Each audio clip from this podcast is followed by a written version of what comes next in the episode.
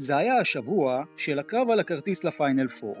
מכבי תל אביב, שכל כך רוצה לחזור למעמד אחרי תשע שנים של היעדרות, יצא השבוע למלחמה על כרטיס הכניסה לשם כשהמטרה ברורה, לקחת את יתרון הביתיות בסדרה. אחרי שני משחקים אפשר להגיד שהמשימה בהחלט הושלמה בהצלחה, וכעת הצהובים רק צריכים לשמור על הבית כדי לנצח עוד השבוע בקרב על הכרטיס לפיינל 4. אצל הפועל ירושלים, אמנם הקבוצה כבר עלתה לפיינל 4, אבל הקרב האמיתי על הכרטיס לשם היה דווקא של האוהדים. בשבוע האחרון הקבוצה הופתעה כשקיבלה רק 500 כרטיסים מה-BCL, שאומנם לבסוף הפכו ל-1,100 כאלה, אך זה לא הספיק לביקוש שעמד על פי 3 ואפילו פי 4 ממספר הכרטיסים שקיבלו האדומים. עד שבת בצהריים נראה שהקרב על הכרטיס לפיינל 4 של אוהדי הפועל ירושלים היה בדרך לטרגדיה של ממש. אלפי אוהדים אופטימיים כבר הזמינו טיסות מבעוד מועד, אך נשארו ללא הכרטיס הנכסף ועמדו בפני הפסד צפוי של אלפי שקלים. אבל קבלו טוויסט בעלילה. בשבת, החל מחצות היום, התחיל משתה מפואר באתר המכירה הפתוחה של מלאגה, האוהדים האדומים, כמו יחידת קומנדו מאומנת, פשוט שתו כאלפיים כרטיסים, וכעת הם עומדים בפני שבירת שיא אוהדים אדומים במשחק מחוץ לישראל. גם ביורוליג היה השבוע קרב על הכרטיס לפיינל 4, אולם את הכותרות תפס דווקא קרב אחר, שנגמר רע ממש. בפרק הנוכחי אנחנו גם נדבר על האירועים במדריד, כי מה שהיה שם מעלה שאלות קשות וחשובות מאוד על כל הענף. אנחנו במפה פרק 33, במקרה או שלא, פרק המספר של ל"ג בעומר, ל"ג בעומר אומנם יהיה רק בשבוע הבא, אבל אצלנו, המדורה של הקרב על הכרטיס לפיינל 4 כבר ממזמן בוערת, ולא נראה שהיא מתכוונת לעצור, וזה הזמן להגיד, אנחנו במפה, אנחנו מתחילים.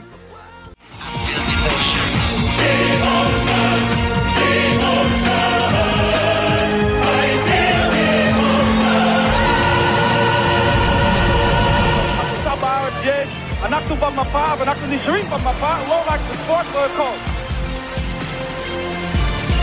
אז אנחנו במפה, פרק 33, פרק הל"ג בעומר שלנו, הקרב על הכרטיס לפיינל 4, וכמו כל שבוע אני אציג לכם את חברי הפאנל שלנו, אז אני זה נייט דרור מהדף טיים-אאוט, ואיתנו כאן מישהו שאמרתי לו כבר לפני חודשיים, תזמין מלון בקובנה, ש, שיהיה לך אפילו עם ביטול חינם למקרה ומכבי, והוא כזה, לא, אם מכבי תעלה, אם מכבי לא תעלה, ובסוף היום המצב שלו זה שהוא, אם מכבי עולה הוא כנראה ישן באוהל מחוץ לאולם בז'לגיריו ארנה, שבוע טוב יואב תורג'מן. שבוע מצוין. קודם כל, אם מכבי תעלה, אני אשלם כמה שצריך בשביל להיות שם, זה לא הנקודה. אה, אבל קודם כל צריך לעלות. אה, שבוע באמת אה, משמח מבחינתנו. אה, מבחינת אוהדי מכבי כמובן, אה, שבוע של אה, לקיחת ביתיות, כי היא לא נגנבה, היא ממש נלקחה, ושבוע משמח מאוד, והשבוע הקרוב כבר הולך להיות אש חבל על הזמן. בהחלט, ומי שגם כאן איתנו, וגם אם מכבי תעלה לפיינל פור הוא לא יהיה שם, זה אופק ששון, שבוע טוב אופק. מה אני אעשה? מה, הייתי טיפש אה, שהזמנתי? מה אני אעשה? אני נוסע לדרום אמריקה השבוע הבא, אז uh, תהיה פגרה מסוימת ממני. Uh, בואו נראה מה, מה, מי יחליף אותי כאן בפאנל. Uh, שבוע מאוד מאוד מרגש. Uh, האמת שיועד ונייט יודעים שאני כבר כבר ביום חמישי בלילה, כבר לחצתי עליהם, בואו נקליט את הפרק, כי הייתי כבר רותח סביב כל מה שקרה במדריד, והאחד אחד של מונקו מכבי, והיה כל כך הרבה נושאים לדבר עליהם, אבל נדחה בכמה ימים. לא נורא, אנחנו עדיין שומרים על איזשהו, איזושהי טריות וחום. let's go. אנחנו דווקא נתחיל עם ה... מה שהיה במדריד, ובאמת זה דבר שלפני הכדורסל צריך לדבר עליו, את כל הסיפור של הקטטה שם בסוף, וגם על הכדורסל של פרטיזן בלגרד והמשמעות של ים הדר פתאום, ואחרי פרטיזן בלגרד במוקד הפרק שלנו הולכת להיות מכבי תל אביב, שאנחנו כמובן נדבר בהרחבה פה על משחקים 1 ו-2 שלה בסדרה מול מונקו, והולך להיות לנו אורח מאוד מיוחד שהיה במשחקים האלו, והוא ככה הולך גם לספר לנו חוויות ובכלל את כל הזווית של האוהדים שהיו שם. אחרי זה אנחנו נדבר יורוליג, ברצלונה, ז'לגיריס קובנה, אולימפיאקוס פנרבכצ'ה, הפועל ירושלים אנחנו לא נתמקד בפרק הזה, אנחנו מוצאים במהלך השבוע פרק special שיכין אתכם גם uh, למשחק מול תנריף בפיינל 4, גם יסביר קצת יותר מה קרה פה עם הסיפור של הכרטיסים והמשתה שהיה אתמול, אם אתם אוהדי הפועל ירושלים זה באמת הפרק בשבילכם, מה שהולך לצאת בהמשך השבוע, אבל לפני הכל אתם כמובן מכירים, כמו כל שבוע יש לנו כותרות, אז אנחנו מתחילים עם הכותרות שלנו. let's go. כותרת שלי, אה, וואו, היה מבחר מרהיב ביותר לכותרות, אבל אני הלכתי על ועדת חקירה שצריך לפתוח בעקבות אה, מאורעות מונקו. אה, מי שזוכר את אחד הפרקים מתחילת העונה אחרי גמר, אה, גמר הגביע מול הפועל תל אביב, אמרתי ואני אגיד שוב, אני בגישה שעבירות בכדורסל, לא, זה לא משהו שצריך להיות סימטרי. זה בסדר שתהיה קבוצה שהלכה יותר לקו, או קבוצה שעשתה יותר עבירות, וזה ממש בסדר, וזה גם מאוד לגיטימי כשמסתכלים על האופי של הקבוצות uh, שנמצאות. כלומר, מונקו, אחת מהקבוצות שסוחטות יותר עבירות ביורוליג, מכבי מהצד השני מהקבוצות שעושות המון, עבור, אה, המון עבירות ביורוליג, מונקו היא גם קבוצה שחודרת המון, ככה שיש הרבה מגע ופלייאוף, והכל נכון. במשחק הראשון היה שיפוט לא טוב, היה שיפוט ביתי, אה, לטעמי לפחות, כלומר זה, השופטים לא העלו את רמתם אה, לרמת פלייאוף, אה, המון המון השתטחויות על הרצפה שנשרקו, זה פשוט עצר את, את הזרימה של המשחק וזה באמת נתן תחושה שהם לא העלו את הרמה הנדרשת, אבל מה שקרה במשחק השני זה כבר לא שיפוט ביתי וזה לא כמה שריקות מבאסות שהלכו נגד מכבי, זה היה פשוט, זה היה כבר במימד הזדוני, זו הייתה באמת הרגשה שהמון המון אוהדי מכבי יצאו איתה, שהיה פה איזשהו מהלך מכוון, ממוקד, איזה מין מארג כזה של השופטים ומונקו, אה, שבאמת קיבלו הוראה בכל מיני מגע להשתטח על הרצפה והשופטים כבר יעשו את העבודה. אני לא יודע אם מכבי תל אביב כמועדון הולכים לעשות אה, משהו בנדון, אם זה שמעון ש, שצריך לערב שם כל מיני גורמים. אבל זה מאוד מאוד התסיס את, ה, את המצ'אפ הזה בין, אה, בין מכבי למונקו, בדרך לשני משחקי אה, בית בהיכל, אמ, המון המון אמוציות. אה, כן, אז הכותרת שלי כמובן המכות במדריד, באמת אקורד סיום מביש למשחק הזה, שבאמת היה משחק מצוין ומענה לצפייה, כמובן אם אתה אוהד ריאל מדריד אז פחות נהנית, אבל אם אתה אוהד פרטיזן אז כן. אה, אני חייב לדבר על אה, אדון גרשון יבוסלה. תקשיב, מה שהוא עשה שם זה חתיכת כתם לקריירה שלו, שאני חושב שזה הולך להשפיע עליו לא מעט פעמים בעונות הקרובות. אה, כי תראה, הבן אדם פה בגדול פשוט פצע שחקן, בלי קשר למשחק, בלי קשר לכלום. סתם כי אתה יודע, התפלק לו איזה בורג במוח והוא החליט שעכשיו הוא תופס מישהו, מטיח אותו על הרצפה ויהיה מה שיהיה. אה, ובאמת ברמות האלה, זה, אלה דברים שאסור שיקרו במגרשי הכדורסל, אה, וחבל לי מאוד שככה זה יסתיים, אה, ובאמת כל ערך ספורטיבי שהיה למשחק הזה, ובכללי אפשר להגיד גם לסדרה הזאת עם כל ההרחקות וכולי, כבר לא, לא באמת רלוונטי וחבל, חבל מאוד. מאוד חבל, ואנחנו, כמו שאמרתי בפתיח, אנחנו נפתח עם המשחקים של פרטיזן וריאל מדריד. אבל לפני כן אני רוצה להישאר באותו נושא, אבל כן להתמקד בכדורסל, כי זה לא יהיה הוגן לקחת אה, לפרטיזן את מה שהיא עשתה.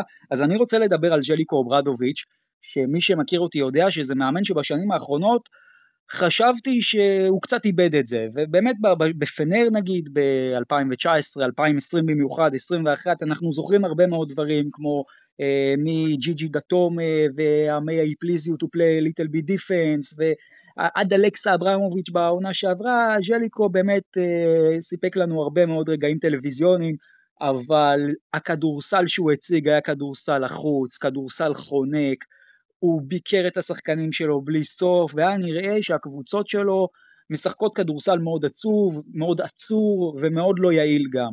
ומה שז'ליקו ברדוביץ' עושה השנה בפרטיזן בלגרד, הוא מזכיר לכל אירופה שמה שהוא שכח הם עוד לא למדו, וז'ליקו אברדוביץ' לקח קבוצה שהיא קבוצה טובה מאוד, אבל הוא לקח ועשה ממנה מפלצת, הוא לקח את פרטיזן בלגרד, ומי היה מאמין שדווקא ז'ליקו אוברדוביץ' יהיה אחראי על קבוצת ההתקפה המרהיבה שהייתה באירופה בשנים האחרונות, לדעתי אולי רק אנדולו של באמת השושלת שלה של השנים האחרונות, מתעלה על הקבוצה הזאת בפן ההתקפי לפחות, זה שח... פתאום מאמן ש... מחמיא לשחקנים שלו בלי סוף, מה שהוא אמר על פנתר שם בסוף משחק אחד, מה שהוא אמר בכלל על כל השחקנים, זה המהפך ב-180 מעלות של ז'ליקו אוברדוביץ', שמראה לנו שגם בגיל 63 הוא יודע להמציא את עצמו מחדש, אז מבחינתי ז'ליקו אוברדוביץ' הוא אפילו מאמן העונה שלי ביורוליג, ומפה אני רוצה להתקדם איתכם לפרטיזן וריאל וכל מה שהלך, אבל לפני הקטטה שוב, אנחנו לא נעשה את זה לפרטיזן, אה, אנחנו גם נדבר קודם כל על, ה, על הכדורסל, כי תראו, אני עשיתי פה קמפיין פרק קודם לפרטיזן בלגרד, אבל גם אני לא האמנתי שיהיה 2-0, זה באמת היה חד צדדי. אני רוצה לפתוח בשלשה של קווין פנתר, אנחנו דיברנו על זה יותר מדי פעמים, השחקן הזה כבר, אם אני לא טועה, זה סל מאני טיים שישי שלו העונה שפשוט מנצח משחק. זה לא רק העונה, זה ממש לא רק העונה. קווין פנתר זה שחקן הקלאץ' הטוב ביותר ביורוליג בפער. אני חושב שאין לו תחרות, וכמו שאמרתי, זה לא התחיל רק מהעונה, זה גם בעונות הקודמות, שהוא היה עוד באולימפיאקוס, הוא עשה כמה סלים כאלה, גם בליגה היוונית שהוא שיחק שם, אני זוכר איזה כמה כאלה. במילאנו, בהיכל, הוא דפק אחד כזה, שלושה אין וואן שם אה, מהפינה, אה, וזה פשוט שחקן שברגע שמגיע קראנץ' טיים, הוא בלתי עציר, ומה שהוא עשה בש, בשני המשחקים האלה זה פשוט לפנתיאון. שחקן אדיר, באמת שחקן אדיר. הייתה גם עוד שלשה, שלשת קלאץ' ש, ש, שקודמת לשלשה המדוברת. כן, גם אין וואן. וואי, זה, זה, זה שחקן שקודם כל, אתה יודע, מבחינה ויזואלית, תענוג, אין מה להגיד. אה, איך שהוא מזיז את הגוף, ורמת הכישרון שלו היא, היא מטורפת, ותודה דרגות ל... הקושי, דרגות הקושי של הזריקות שלו זה מדהים, זה... זה... הזריקות שהוא לוקח זה זריקות כל כך קשות, ואתה רואה שאתה יודע, בשבילו זה, אתה יודע, ב- ביום יום זה לא כזה משפיע עליו. כן, ותקשיבו, אני חושב שהיה פה נוקאוט מושלם של פרטיזן בלגרד על ריאל מדריד בשני המשחקים. גם במשחק הראשון, דרך אגב, פרטיזן הייתה יותר טובה, אבל היה שם את אה, טווארס, ואין מה לעשות, שיש לך סנטר כמו טווארס מולך, קשה מאוד לנצח, ועדיין פרטיזן ניצחה בזכות השלשה של פאנטר, ששוב, כשזה הולך לקווין פאנטר מהלך אחרון, אתה כבר יודע מה יקרה, וגם ים מדר היה מעולה, במיוחד במשחק הראשון, קיבל המון קרדיט במחצית השנייה, אחרי שמחצית ראשונה הוא בכלל אה, יובש על הספסל, ואנחנו כבר נדבר על כמה פרטיזן תהיה צריכה אותו בהמשך, אבל אז הזווית הישראלית שלנו בינתיים בסדרת פלייאוף יורוליג מושלמת בזירה הזאת. זאק לידיי, לסורט, כולם שם באמת נהדרים, סמיילאגיץ' פתאום אה, בא כאיזה X factor אה, שתופר שלשות, בכלל נוקאוט של פרטיזן בכדורסל, וכמה חבל, כמה חבל שכל זה נעצר דקה 40 לסוף במשחק השני. אה, אני אומר לכם בנימה אישית, אה, אתם יודעים כמה אני אוהב את הקבוצה הזאת העונה, אמרתי לכם גם במהלך העונה, אני לא אוהד הרי אף קבוצה ביורוליג, אבל תמיד יש לך קבוצה שאתה רוצה יותר שהיא תצליח, אה, יותר נוגעת לך ללב.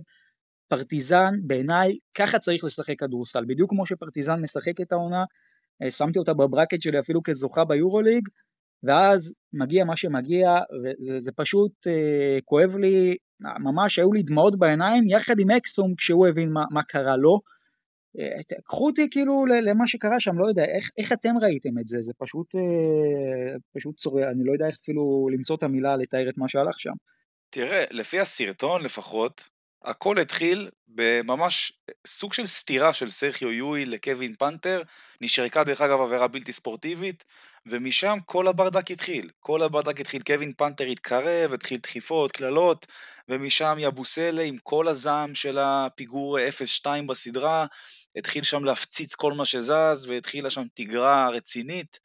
אמ, באמת חבל, חבל לי, כי אתה יודע, אתה יודע, אנחנו מכירים את סרחיו יואי ועד כמה הוא סמל של היורוליג ושל ריאל מדריד בכללי, לא מתאים לו, לא מתאים לו לעשות כזה פאול מלוכלך, אה, ובאמת אה, לגרום לתגרה כזאת לקרות במעמד הזה, וזה סתם לא, לא מכבד לא את ריאל מדריד, לא את פרטיזן ולא את היורוליג. זה אקט של לחץ נטו בעיניי, כלומר ריאל מדריד אה, ב- בלחץ אטומי. אה, אני, אני לא יודע אם לחץ, זה, זה נראה לי יותר ייאוש, אבל כן, זה איפשהו ב, ב, באזורים האלה. מכלול, מכלול של אמוציות ורגשות, אה, אבל הם מרגישים שזה, שזה לגמרי בורח להם מהידיים ושהסיכוי שלהם לעשות פיינל פור העונה אה, הוא על גבול האפסי, ומועדון כמו ריאל מדריד שהוא חבר קבע ברביעייה האחרונה, אה, ופתאום גם מול קבוצה, קבוצה אפורה ומרגשת ולוחמת, אני רוצה להתחבר למה, ש... למה שדרור אמר בהתחלה. מה שגורם לאוהד, כדור, היורוליג הממוצע להתחבר אליהם, לא בהכרח אם יש לו אהדה קודמת לפרטיזן בלגרד, כי זו באמת קבוצה, קודם כל ז'ליקו, שיש לו שונאים, לא חסר לו שונאים, אבל אני חושב שהרבה מהשונאים שלו, העונה, אה, אי אפשר שלא להחמיא לו, כי זה, שח... כי זה שחקן, כי זה מאמן שבאמת כבר המון דובר עליו בארבע-חמש שנים האחרונות מאז, ה... מאז הקדנציה בפנרבכצ'ה, שהוא באמת...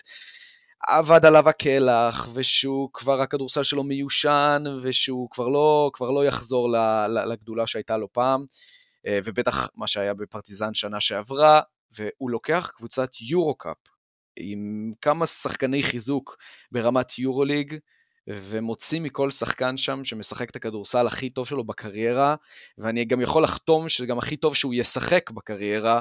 חד אה, משמעית. בטח אם הם לא ימשיכו לשחק תחת השרביט שלו, אי אפשר שלא להתרגש מזה, כי זאת סרביה שהיא מדינת כדורסל, וזה קהל שהוא מרגש, וזה ז'ליקו שבאמת מאוד מאוד מאוד פופולרי, ואי אפשר שלא, שלא להתאהב במה שהיא עשתה. אז באמת, דוד מול גוליית, מול ריאל מדריד, בחוץ. תשמע, זה, זה לא פעם ראשונה גם שהוא עושה את זה, שהוא לוקח קבוצה מאפס ובונה אותה לאיזה משהו מפלצתי. גם כשהוא התחיל בפנאתינייקוס, זה היה בסוף שנות ה-90 כזה, תחילת שנות ה-2000, אתה יודע, פנאתינייקוס נהפכה למעצמת כדורסל איפשהו בתחילת שנות האלפיים עם ז'ליקו אוברדוביץ', שהוא לקח אותם כפרויקט, הפך אותם למעצמה. סיים בפנאתינייקוס ב-2012, לקח שנה אחת חופש, הלך לפנרבחצ'ה, שנה ראשונה לא עבר את הטופ 16, שנה אחרי זה הם לא נעדרו מהפיינל 4 איזה חמש או שש עונות, הפך אותם גם לשם ודבר באירופה, וכנראה שעכשיו הוא עושה את זה עם פרטיזן. פשוט מאמן על, אחד הגדולים שהיו פה, ואתה יודע, כל פעם שאנחנו נגיד את זה, זה כבר יהיה, כבר נשמע כמו, כמו תקליט שבור. בכן ולא, זה המאמן הכי טוב ביורוליג היום? בהחלט, לדעתי כן. אם, אם בתחילת העונה היית אומר לי, הייתי אומר לך שלא, אבל מה שהוא עושה איתם השנה זה באמת מדהים. זה לא יאומן שאפילו ז'ליקו ברדוביץ', תחשבו, זה משפט הזוי להגיד, ז'ליקו ברדוביץ' הצליח להפתיע את אוהדי הכדורסל האירופי. כאילו, עכשיו אנחנו מרגישים מטומטמים בדיעבד, כי בפאקינג מדובר בז'ליקו ברדוביץ', למה הוא מפתיע, למה הוא מפתיע אותנו היכולות, אה, היכולות שלו? אבל כי הפעם זה באמת, זה ללא עוררין, ללא ספק, ללא כוכבית, זה נטו עליו. אמ, זה מראה את הגדולה של העמדה, על המעמד המאמן באירופה, אם יש השוואות לפעמים לליגת ה-NBA, מה שאני הכי אוהב באירופה זה באמת הכבוד שנותנים למעמד המאמן, וגם שרס התייחס לזה באחד הראיונות, אה, לדעתי אחרי המשחק הראשון מול ז'לגיריס, שלפעמים ב-NBA אתה רואה כל מיני ילדים בני 18-19, שכל המועדונים וכל, ה, וכל הפרינצ'ייז uh, סביבם, ו, ו, ותולים רק בהם, והמאמן הוא איזשהו uh, עלה נידף ברוח שמתחלף כמו גרביים, ופה הכבוד שנותנים למאמן, זה, זה, זה מדהים בעיניי. אתה רואה כמה משהו? כבוד יש לשחקנים כלפי ז'ליקו, הם, הם, הם עם לבבות בעיניים כשהוא מדבר אליהם. הדרך שפרטיזן עשתה די דומה לדרך שמכבי עשתה. אם אתם זוכרים, בתחילת העונה פרטיזן הייתה נראית באמת זוועה. במחזור הראשון הם הפסידו 20 בברלין, אם אני זוכר נכון, אה, ובאמת כולם סימנו אותם כקבוצה שלא תהיה בכלל באזור חיוג הזה של הטופ 8, ופתאום עכשיו הם בדרך לפיינל 4, וכנראה שבאמת צריך זמן, זמן לקבוצה להתחבר, להציג את הכדורסל הכי טוב שהיא יכולה להציג, וזה די דומה למכבי, דרך אגב, שימו רגע את השילוב בצד של אה, לורנזו ובולדווין עם אה, פאנטר ואקסום, תוציאו את שניהם מש, משתי הקבוצות. אני חושב שעל הנייר לפחות, הכוח עזר שיש לגרדים המובילים של פרטיזן, טוב ממה שיש למכבי, ואני חושב שזה די מסביר את זה שפרטיזן מראה הרבה יותר איכות ממה שמכבי מראה, לפחות זה. כן, טוב, אני מתאפק שלא שוב להיכנס לנושא של אה, פנתר ואקסו מול אה, לורנזו ובולדווין. כן, כן, אה, עדיף שלא נרחיב על זה, כי הפרק ייגמר עוד שלוש כן. שעות. דעתי ידועה וגם דעתכם ידועה, אבל אני רוצה שוב לחזור רגע למדריד. אה, אז בעצם, קודם כל השאלה, כן, זליקו ברדוביץ' כרגע הוא המאמן הכי טוב ביורוליג, אבל השאלה הגדולה היא מה הוא הולך לעשות עכשיו, כי בעצם מה שקרה, אני לא יודע אם uh, שמתם לב או לא, אבל העבירה שהייתה על פנתר של יואי, uh, הייתה אחרי עבירה שהייתה עשר שניות uh, בעצם לפני של פוריה על פנתר, שזאת הייתה עבירה שגם הייתה יכולה לחסל לפנתר את הקריירה, כי פוריה נכנס בו בניגוד לכיוון תנועה שלו, ו- ובעצם בסוף השופטים אה, החליטו להרחיק שם איזה 21 שחקנים, אבל היורוליג, וזה בעיניי הביזיון ואני רוצה רגע שנדבר על זה, אה, מחליט להרחיק את פאנטר עכשיו לשני משחקים, הוא מרחיק את יאבוסלה בסך הכל לחמישה משחקים, אה, גם לסורט מורחק עכשיו למשחק, אקסום פצוע, אז פרטיזן בלגרד בסופו של דבר היא זו שמקבלת את העונש כי פרטיזן בסוף זה ארבעה שחקני טופ יורוליג שזה פאנטר, אקסום, לידיי ולסורט אז רק לידי הולך להיות במשחק הבא, אין לפרטיזן קו אחורי. אני באמת רוצה לשאול אתכם, אני גם רשמתי טור, יש תכלית לענף הזה? כי, כי זה, זה ממש, כאילו, אני לא יודע איך אה, להסביר את זה, מה, מה, מה עובר על, על מקבלי ההחלטות ביורוליג? זה פשוט עוול מטורף לפרטיזן, עוול מטורף לפרטיזן. תראה, העונשים די הזויים, אה, אבל בגדול פרטיזן תהיה בפיינל פור. אה, דרך אגב, יבוסל עם ההרחקה הזאת, אפשר להגיד באופן רשמי, סיים את עונת היורוליג, גם אם יהיה פה מהפך מטורף של ריאל מדריד. אמ, במשחק השלישי אני חושב... אבל יועד, איך אפשר לשתוק על דבר כזה? יבוסלה קודם כל, איך שהוא היה בסדרה אולי טוב לריאל מדריד שהוא לא ישחק, אבל איך אפשר לשתוק על דבר כזה כשפרטיזן בלגרד פשוט נענשת על, על סליחה, אין פה סימטריה, ריאל מדריד היא זו שהתחילה, והיא זו שיזמה את זה, והיא זו שיצרה את הבלגן הזה. לא תשכנעו אותי אחרת, איך אפשר, אני כאילו, אני באמת שואל, יש לכם אמון בענף בכלל, ב, ב, ביושרה שלו? אני איתך, יש כאן בעייתיות, אה, ומישהו יצטרך אה, להביא על זה את הדין, ואני גם מאמין שפרטיזן לא תשתוק על זה כל כך מהר, היא תחכה שכל הלהט ירד, ואז אתה יודע, הם יעשו את מה שצריך. האמת שאני לא כל כך מסכים איתכם, אני חייב להגיד. כלומר, כן, יהיו פה, היו פה אנשים שהם נגועים באינטר, באינטרסים מסוימים. אה, לא יודע מה היה קורה לדוגמה עם, ה, עם המשחק הזה והתגרה הזאת הייתה קורית במהלך עונה סדירה, יכול להיות שהיינו רואים אה, אה, עונשים אחרים. אבל בסך הכל אי אפשר להוריד גם את, ה, את האשמה משחקני פרטיזן בלגרד. אה, מתיאס לסור השתולל שם, אה, קווין פנתר גם השתולל שם, אז נכון, גרשון יבוסלה עשה באמת את הדבר שהוא... אחד מה, מה, מהדברים היותר אסורים באתיקה בין שחקנים, שזה באמת לפצוע שחקן, אמ, אבל יש המון גם אשמה על, על, על, על פרטיזן בלגרד, אתם לא יכולים, אה, בגלל שיואי הוא זה שכביכול הצית את, ה, את, את, את השריפה הזאת, אז האשמה חייבת להיות על ריאל מדריד. גם לפרטיזן בלגרד יש חלק אה, לא מבוטל במה שקרה שם. אני חושב אבל שבסוף מדובר על בני אדם, ולכל אחד יש את הגבול שלו, אבל נעזוב את זה רגע, אני רוצה להסתכל איתכם קדימה. אז הזווית הישראלית שלנו, ים הדר, פתאום, כנראה, לא יודע, אולי הופך לגארד אפילו הבכיר של פרטיזן, לפחות למשחק הבא. אגב, שמעתי תיאוריה מאוד מעניינת שפרטיזן תרצה להפסיד את משחק 3 ולנצח את משחק 4 אה, כדי שפנתר יוכל להשתתף בפיינל 4, אבל השאלה שלי, האם בסיטואציה הזאת אה, פרטיזן בלגרד בכלל יכולה לנצח את ריאל מדריד, כי עם כל כמה שאני מאמין בפרטיזן, לא יודע, היא משחקת בלי שלושת שחקני המפתח של המשחק הבא. שאלה גם אם הקהל ייתן לזה להסתיים.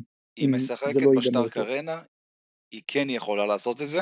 אני לא חושב שהיא תעשה את זה, בדיוק בגלל הסיבה של אה, שקווין פנתר אה, אה, הורחק לש, לשני משחקים. אבל משהו שצריך לדבר עליו, יש פה גם כבוד. אה, אוהדי פרטיזן מרגישים שממש נגעו להם בקודש הקודשים שלהם, וזה בכבוד שלהם, ואני חושב שגם אם מבחינה רציונלית ועם ראייה קדימה לפיינל פור, רוצים את פנתר וזה, אני חושב לפחות שבראייה של מועדון, הם לא ייתנו לריאל מדריד את הכבוד הזה לנצח אותם בשטארק ארנה. אמ, הרוחות הן כל כך סוערות עכשיו, ואוהדי פרטיזן עם, עם, עם רצח בעיניים, אני לא חושב שאנחנו הולכים שם לאיזושהי מכירה ואיזושהי הגנה שהיא לא אגרסיבית, כבר נהיה המון המון bad blood בין, אה, בין שני המועדונים, אני חושב שאנחנו הולכים למשחק שהוא רצח, אמ, ו- ואני לא חושב שיש, שיש פייבוריטית באמת שמה, במשחק הקרוב, למרות גלוי. החיסורים. אני אהיה איתך גלוי, אני שונא את ריאל מדריד מאוד, אמ, וכבן אדם ישראלי, אתה יודע כמה אני אשמח לראות את ים מדר מוביל את פרטיזן לניצחון על ריאל מדריד במשחק פלייאוף ומדיח אותה מהמפעל? תענוג. זה שמחה אדירה יהיה, אבל אה, בסוף זה באמת הרבה על הכתפיים של ים, כי ים מדר בסופו של דבר הוא כרגע, כמו שאמרתי, הגארד המוביל כמה שזה הזוי של פרטיזן בלגרד, כן, ואני רוצה לעבור איתכם לשלב... ביחד עם אלכס אברמוביץ'. נכון, נכון, ביחד עם אברמוביץ'. אני רוצה לעבור איתכם לשלב של ההימורים, אה, שוב, מבחינתי לסדרה הזאת אגב אין ערך ספורטיבי, כלומר פרטיזן, גם רשמתי את זה בכתבה שהוצאתי ביום שישי, צריכה לקבל פה ניצחון טכני בסדרה לדעתי, אבל בכל זאת, נו, זה מה שהיורולי קבע, אז אנחנו נצטרך להמר, איך, איך זה ממשיך מכאן? 3-1 פרטיזן בלגרד. אני חושב ש... ברמת המוטיבציה של פרטיזן בלגרד, גם מין יצר נקמה מסוים, אני חושב שריאל מדריד כבר מפסידה ברגע שהיא נוחתת בבלגרד, ואני הולך על סוויפ. אוקיי, okay, אני אלך גם עם תרחיש של 3-1, אה, לדעתי ריאל תנצח משחק הבא ופרטיזן איכשהו אולי כן תעשה את זה בארבע, ככה לפחות אני מקווה. אה, טוורס אגב יחזור למשחק 3, אנחנו עוד לא יודעים, עדיין, נכון? עדיין לא ברור. אוקיי, זה גם אה, צריך לקחת בחשבון. טוב, בואו בוא נראה ונחזיק אצבעות לים הדר גם בשבוע הקרוב, זה באמת הזדמנות אדירה אגב בקריירה שלו, הזדמנות אדירה. אם הוא מצליח להוביל את פרטיזן, תחשבו על המשחק שהוא חתום שהעלה אותם לפיינל 4, זה מעלה לו את המניות ממש. אה, אז נחזיק לו אצבעות ומפה אנחנו נעבור למכבי תל אביב, שם היה לא פחות חם. ולפני שאנחנו מתחילים אני רוצה להציג לכם מישהו שאתם כבר מכירים, היה פה בפרק אחד, גיא רוט, אוהד הקבוצה, אמרנו לכם שהוא טס הרבה למשחקי חוץ, אז הוא היה במונקו, שלום אה, גיא רוט. אהלן אהלן לכולם, עדיין אה, צרוד ממה שהיה שם. כן, אז אנחנו כבר נתחיל. גיא, רגע לפני שאני ככה נכנס, אתה יודע, פה עם כולם לדברים המקצועיים, היה במשחק 1, 2, 3, 10, בוא תספר לי קצת חוויות שלך ממונקו, על הדרך, מה היה שם, קצת יותר על הדברים שאנחנו לא יודעים. וואו, זאת הייתה... זאת הייתה נסיעה היסטורית, לכל דבר ועניין. אה, בכל השנים שמכבי הגיעו למעמד ההצלבה, אני לא, לא זוכר ולא מכיר ולא היה התארגנות שכזאת, ודווקא באולם קטן, אה, בלי קהל אה, פנאט מהצד השני, הרבה אוהדים בארגון, לא בארגון, זיהו את הפרצה ואת ההזדמנות שיש למכבי פה. התארגנו על כרטיסים בשיטות לא שיטות, ויצרנו פה...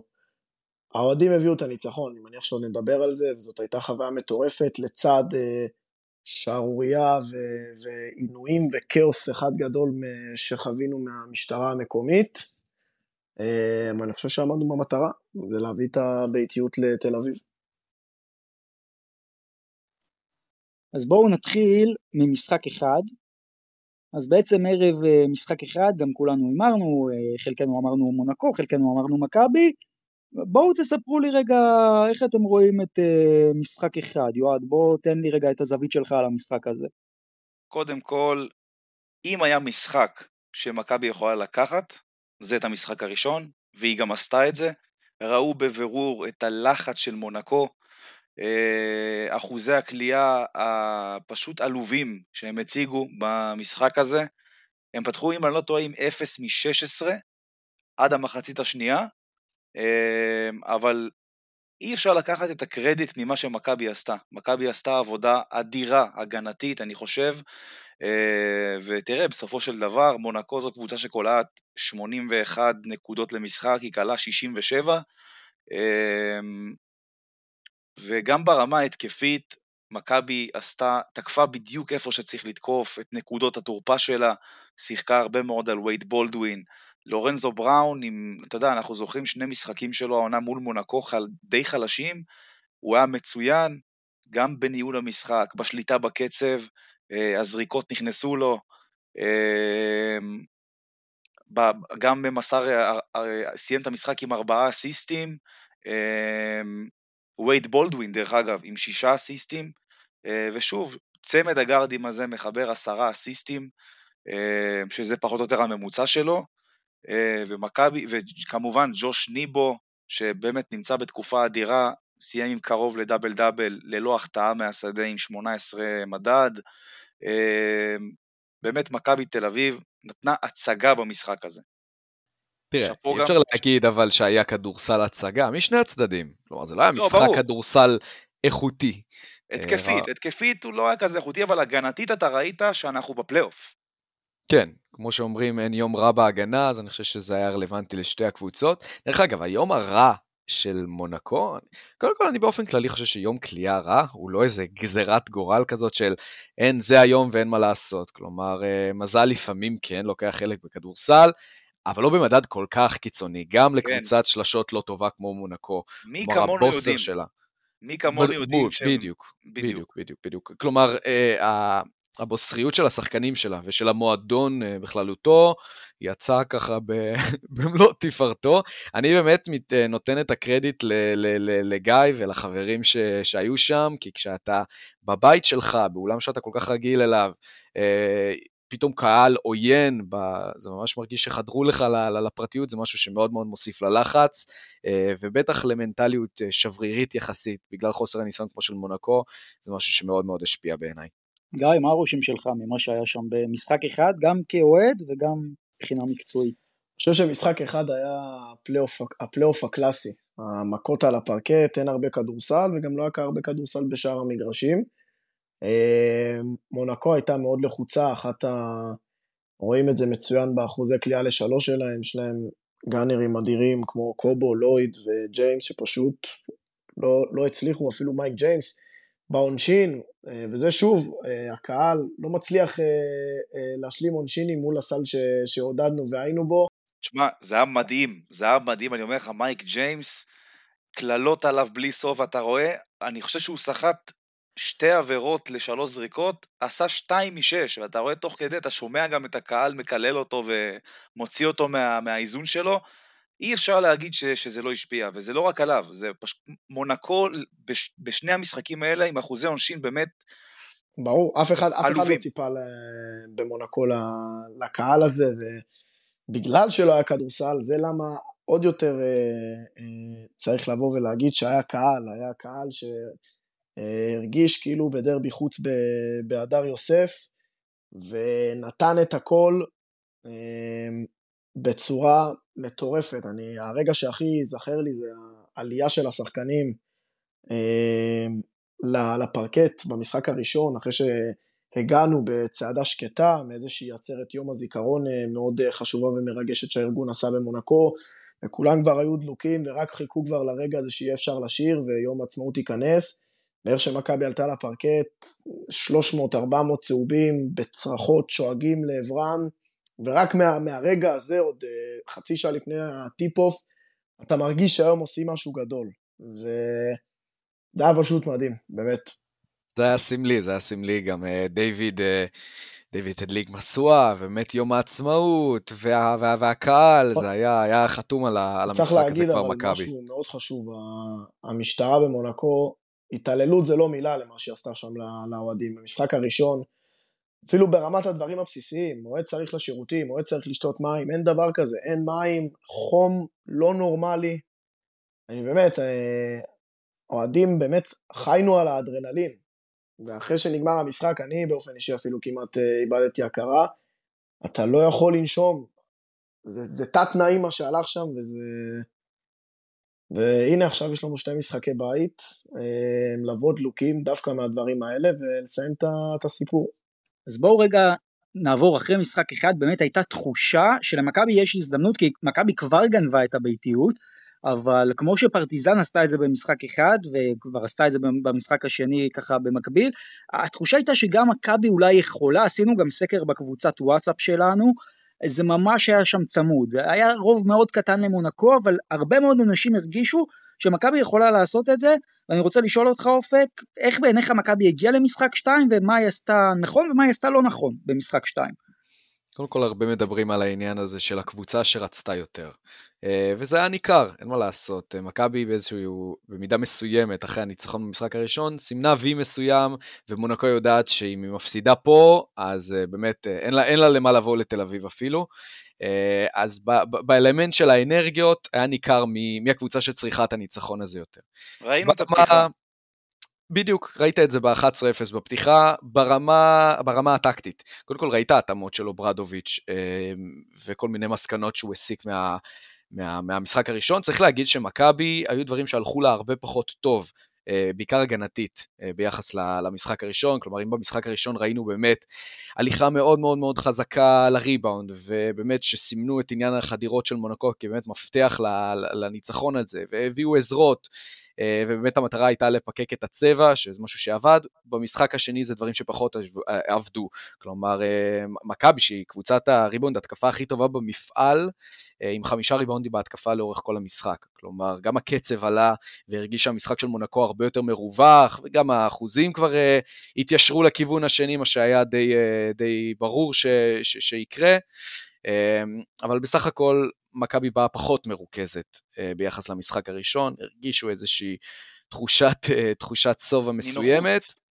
נינוחות, בדיוק, אפשר, אפשר לקרוא, לזה, לקרוא לזה נינוחות, אבל עדיין היה פה משחק כדורסל ש, שלדעתי היה אפשר לקחת, ויש פה כמה אצבעות, ש... אצבעות מאשימות שצריך, אה, שצריך להצביע, וכמה נורות אדומות.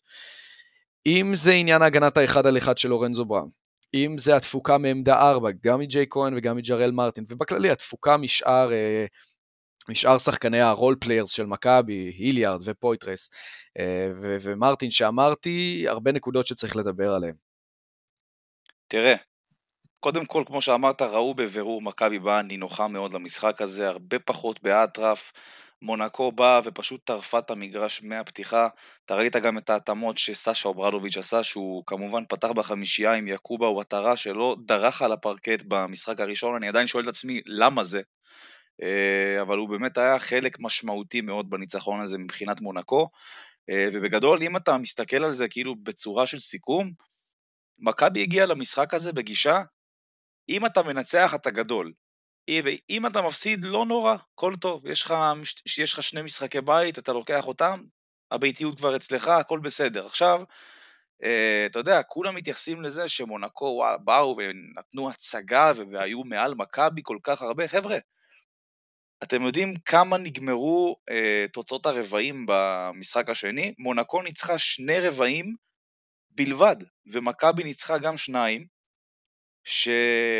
הרבע באמת היחיד, הרבע היחיד שבאמת מונקו הראתה עליונות זה הרבע השלישי במשחק השני, אותו היא ניצחה ב-12 הפרש, וברבע השני שהיא ניצחה, שזה הרבע הראשון, היא ניצחה רק ב-4 הפרש, וברבע השני והרביעי מכבי ניצחה בשלוש הפרש ובנקודה בהתאמה. זאת אומרת, חוץ מרבע אחד, אני באמת לא רואה שום רבע שמונקו באמת הייתה גדולה על מכבי.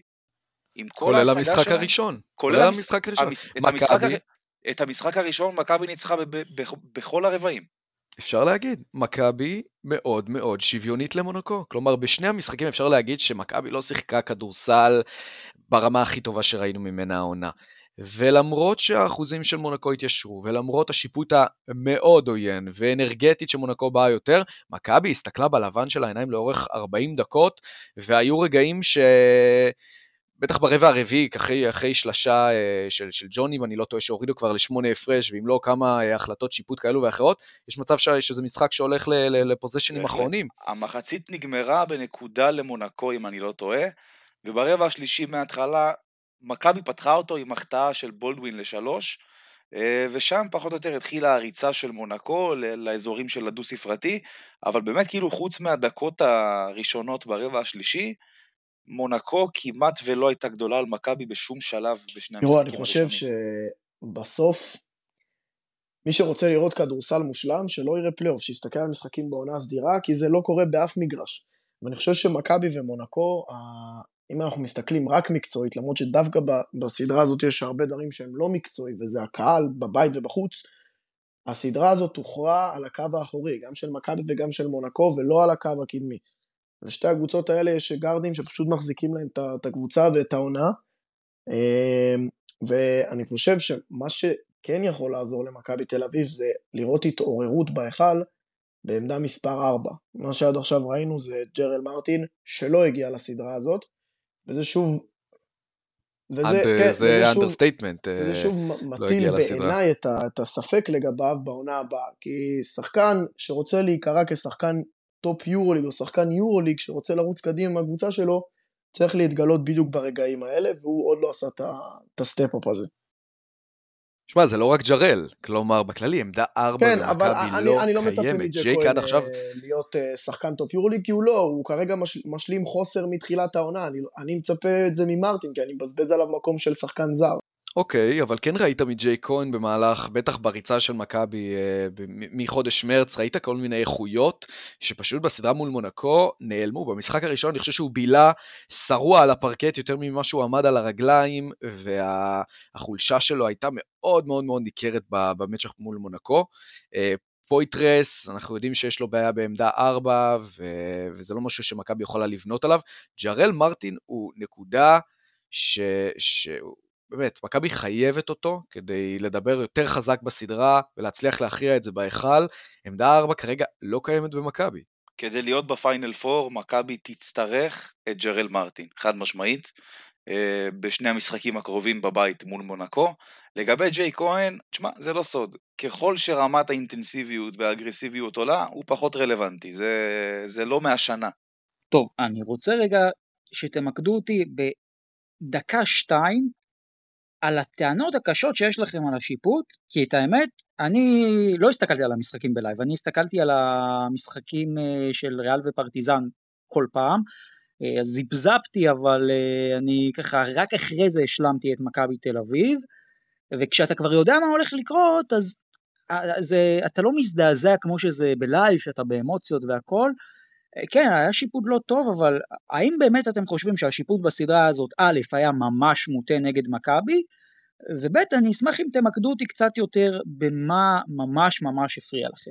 תראה, במשחק הראשון זה התבטא בצורה כל כך בולטת במאזן העבירות. 28 עבירות נשרקו לחובתה של מכבי, אה, ו-19 עבירות בלבד נשרקו לחובתה של מונקו, הפער בשיפוט במשחק הראשון די בא לידי ביטוי בכמות הפאולים אה, ובחוסר האיזון. במשחק השני זה לא התבטא דווקא בזה, כי בסך הכל העבירות היו די מאוזנות וזריקות העונשין גם, אה, ושתי הקבוצות היו אגרסיביות, אה, אבל במשחק השני זה פשוט היה הצגה מביכה פשוט מצידם של השופטים. שבע עבירות תוקף אם אני לא טועה, שש עבירות טכניות, הרחקות של דארן איליארד ווייד בולדווין, באמת על כלום. תראה, אראל גינסבר פרסם סרטון ביוטיוב, הבחור מהסרטוני איילייט של השחקנים, אה, פרסם סרטון ביוטיוב שבו הוא ממש מסכם, מנתח, עושה לך אפילו זום על כל מהלך ומראה לך בבירור מה קורה, מה העניין ואיפה הטעויות. אני הסתכלתי היום על הסרטון הזה, חשכו עיניי. זאת אומרת, רף העצבים שלי עלה יותר ממה שהייתי במשחק. במשחק עוד תראה, אוהד, אני אבל אומר לך, ראיתי את הסרטון הזה, אבל אתה יודע כאילו מה, מה קצת מפריע לי? הרי רק לפני שבוע וחצי ראינו משחק של הפועל תל אביב בבדלונה, ששם גם הייתה שערוריית שיפוט, ושם גם הוציאו להם שחקן, את אונוואקו, שהיה חלק מהמומנטום בסוף, בעבירה חמישית, וזה כבר, הפועל תל אביב נגעה. ובסוף, אני לא חושב שהתמקדנו בזה מספיק, ו- ופה אני רק שומע גם מאוהדי מכבי תל אביב כל הזמן תלונות על השיפוט, אבל בואו, השערורייה okay. המרכזית okay. התחילה ב-15 הפרש, 17 הפרש, מתי? תקשיב, תקשיב, אני אסביר לך משהו.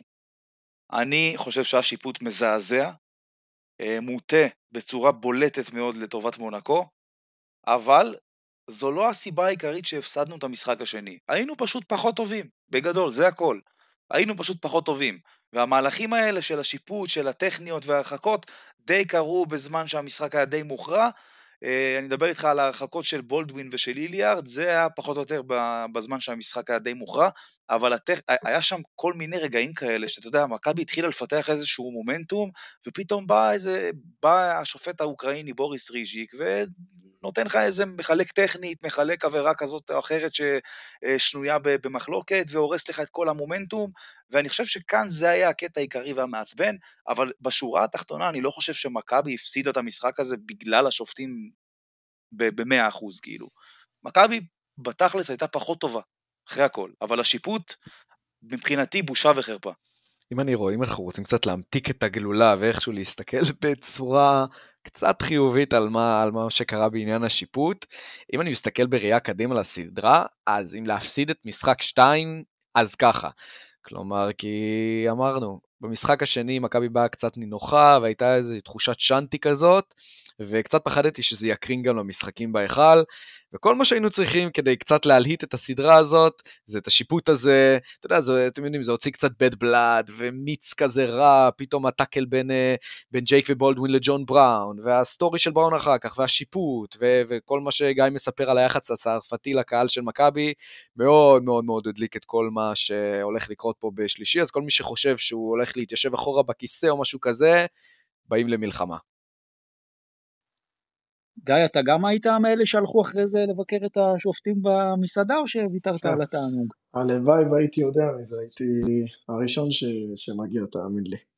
אבל... אה, כן, אנחנו מכירים את, ה... אנחנו מכירים את המערכת יחסים שלך עם אה, בוריס לא רק הוא, זה לא רק הוא, חבר'ה, זה גם השופט הספרדי, גם אה, ניקוליץ', זה לא רק הוא, אבל... כן, בהחלט שלישייה קשה לצפייה. בואו נעבור רגע לקראת משחקים 3-4, כי בואו לא נתבלבל, מכבי עם יתרון באיטיות, אבל אם מכבי מפסידה אפילו משחק אחד, אז אה, בטח אם זה היה המשחק השלישי זה קטסטרופה, אבל גם אם זה היה המשחק הרביעי, הסדרה אחרי זה חוזרת למונקו, ומכבי כבר uh, עם הגב אל הקיר.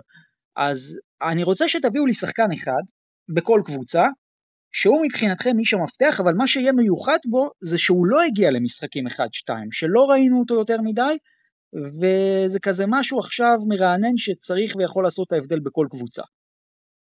אה, תשמע, פופולרי להגיד מייק ג'יימס.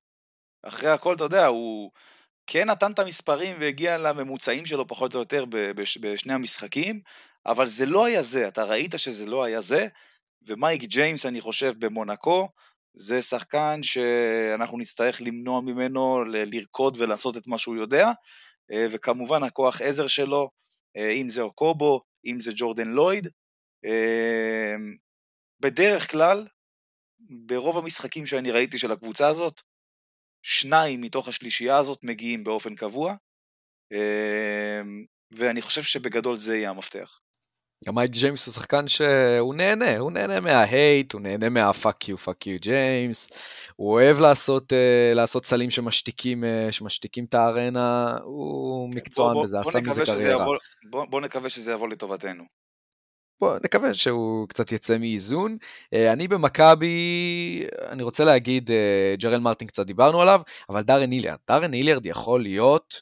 Game Changer בסדרה הזאת, אקס פקטור במלוא מובן המילה, כי הוא שחקן שכן היה במעמדים האלה, הוא שחקן שאת אה, אלמנט הכלייה מבחוץ הוא זה שעושה במכבי ברמה הכי גבוהה, בהיכל, אה, אני חושב שהוא ממש יכול לתת לך כמה סלי קלאץ' פה שפותחים מומנטום, או שקצת מרגיעים מומנטום של מונקו, והוא שחקן שמאוד מאוד יכול גם לרווח את המשחק של מכבי, אה, ובאווירת פלייאוף של באמת אגרופים בתוך הצבע, היליארד יכול להיות אה, קלף מאוד מאוד חשוב.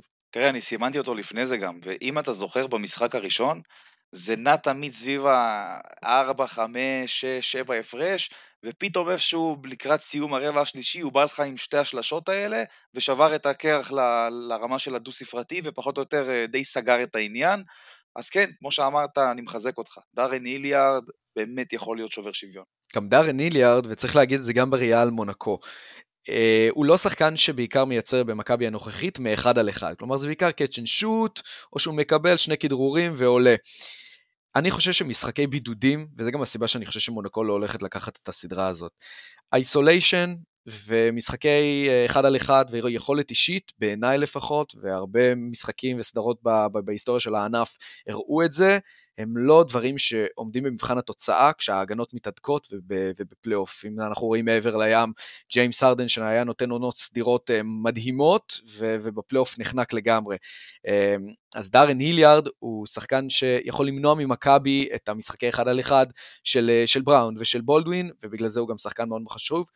בקצרה מפתחות לקראת ההמשך, באמת, אני בעד כן להכריח את מונקו למהלכי אחד על אחד, אני חושב שאם הלחץ של ההיכל זה יעשה את העבודה, ללכת יותר חזק לריבאונד התקפה ולמנוע את הריבאונד התקפה של מונקו, ומשחק ריצה, אני לא יודע למה בשני המשחקים, במשחק השני קצת יותר, אבל במשחק הראשון, מכבי מאוד מאוד אהבה את המשחק העומד, וזה קצת הטריף אותי, אני, אני לא מבין למה, קבוצת הגנה מאוד מאוד חזקה אה, במשחק העומד, בהיכל זה צריך להשתנות, צריך לרוץ, אה, ויאללה בלאגן. בהחלט, מסכים.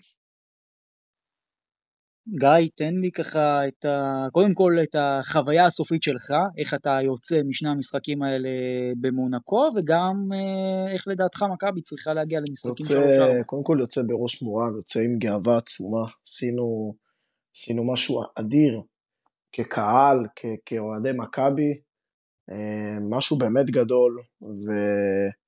זה התחיל גם ביום שלישי, אה, בעצרת זיכרון אה, הנורא חשובה ש... שהארגון עשה, חלקנו כבוד אה, במונקו אה, לחללים מהיציע שנפלו, ואחר כך שאגנו עם דגלי ישראל במדינה שלא כל כך אוהבת אותנו, את ההמנון. יום רביעי הלכנו למלון של השחקנים לפני האימון, אחר כך התקווה, צעדה בכיכר המרכזית של ניס, ממש איזשהו פרומו למה שמחכה לנו בפיינל פור. אני באמת חושב שמבחינת הקהל עשינו פה משהו אדיר שעוד ייזכר, בעיקר למי שהיה שם לכל החיים. אה, והמפתחות למשחק השלישי והרביעי זה גם הקהל. לפני שאנחנו מדברים מקצועית, זה הקהל, זה יד אליהו. אה, כל אחד שבהיכל צריך להיות הכי דלוק שיש, לבוא הכי מוקדם שאפשר להיכל, אה, להציק למונקו, מי שמאחורי הספסל, זה מה שצריך כדי להביא את השתי משחקים האלה ביד אליהו, כי גם מי יודע, אולי גם אה, שוב פעם נקבל שלישיית שיפוט אה, עוינת ומכורה, בדיוק כמו במשחק השני. אמ, וכן, אני מאוד מסכים עם אופק לגבי אה, איליארד.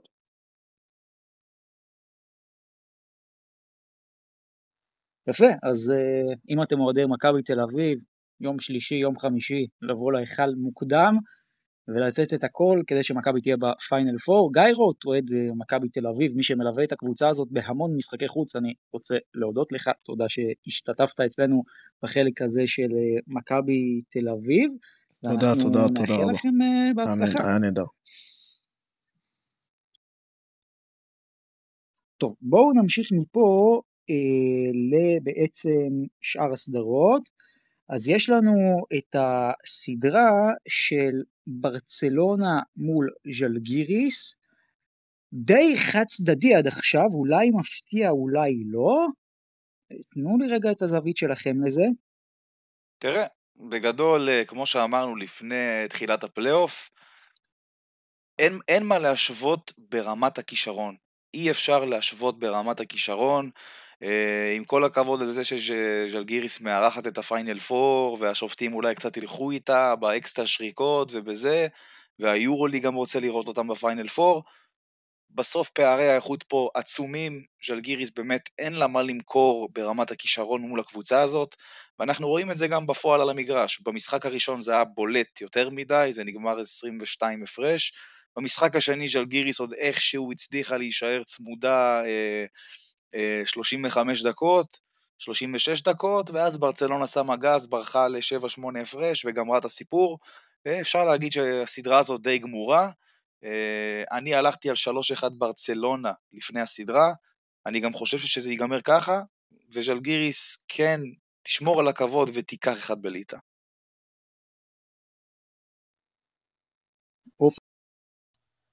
אמ, קודם כל ביחס למשחק הראשון, שזה באמת היה אה, מעורר רחמים אה, מהצד של ז'לגיריס קובנה. אה, במשחק השני כן, עשו קצת יותר קולות, כן היו רגעים אפילו של ז'לגיריס הובילה, רבע שלישי, אפילו אני חושב שגם קצת ברבע הרביעי.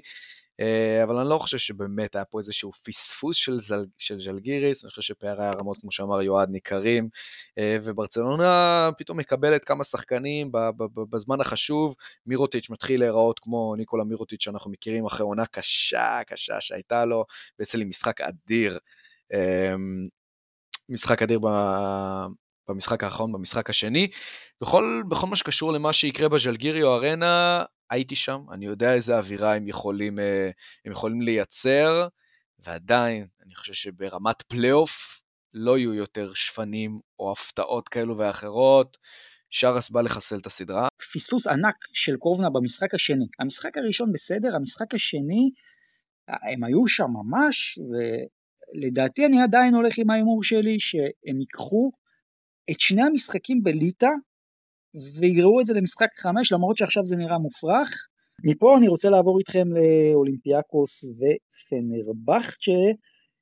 ששם קורה דבר מאוד מעניין במשחק השני, פנרבכט שעדיין בלי סקוטי ווילבקין, אבל עם מלחמה אדירה, ואיטודיס לא פראייר, חברים, איטודיס כרגע עם יתרון הביתיות, אבל איך אתם רואים את הסדרה הזאת עד עכשיו? תראה, בפרק הקודם אני אמרתי שלאיטודיס יש יותר אליפויות יורוליג כמאמן וכעוזר מאמן מאשר אולימפיאקוס.